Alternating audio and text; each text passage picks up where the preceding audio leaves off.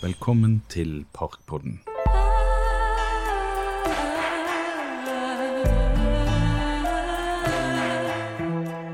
er vi endelig i Nygårdsparken igjen, og det her har jeg gledet meg veldig lenge til. Nå er jeg med Margunn og Egil i parken, og vi skal snakke litt om parkens historie. Og du Egil Ertesvåg, du er pensjonert lærer, forfatter. Og jeg er fremdeles aktiv Veldig bra. som byvandrer og bokskriver.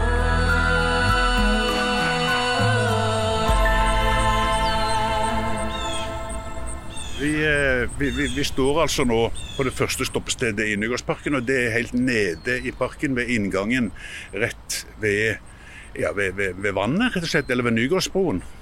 Men nå skal det altså dreie seg om Nygårdsparken, og det er jo veldig kjærkomment tema å ta opp, for dette er jo en perle i, i byen.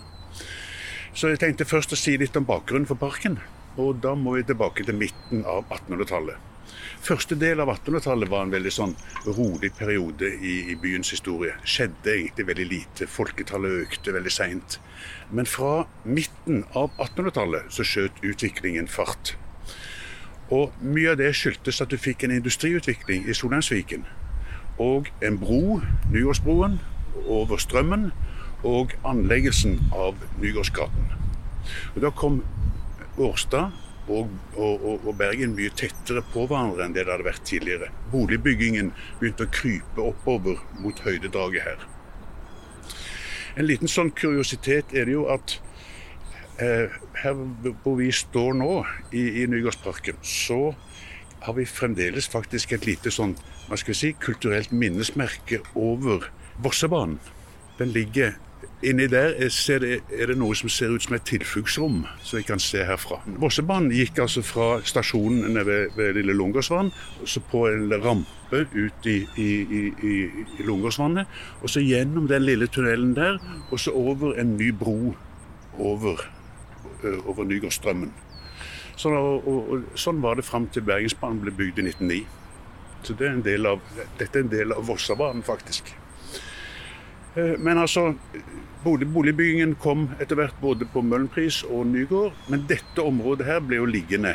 Eh, Faktisk var dette ikke en del verken av Årstad eller Bergen kommune. Det er en merkelig sak det der. For da vi fikk formannskapsloven i 1837, så fulgte de de gamle prestegjeldsgrensene.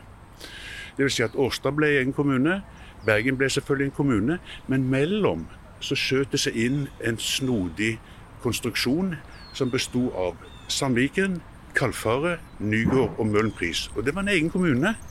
En egen kommune fra 1837 og fram til 1877. Den hadde faktisk et eget navn.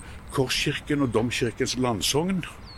De hadde egen ordfører, og de protesterte selvfølgelig iherdig mot å bli slått sammen med Bergen. Det gjør jo alle små kommuner i, i, i Norge.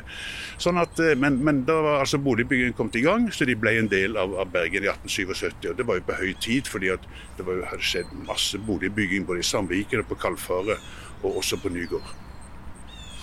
Så eh, liksom denne delen her av, av, av halvøyen her, den ble liksom liggende eh, igjen på en måte, ubebygd. Og da var det at to eh, leger i Bergen eh, bestemte seg for at her skal vi anlegge noe helt nytt. Nærmest sensasjonelt nytt i byens historie. Og da kommer Nygårdsparken.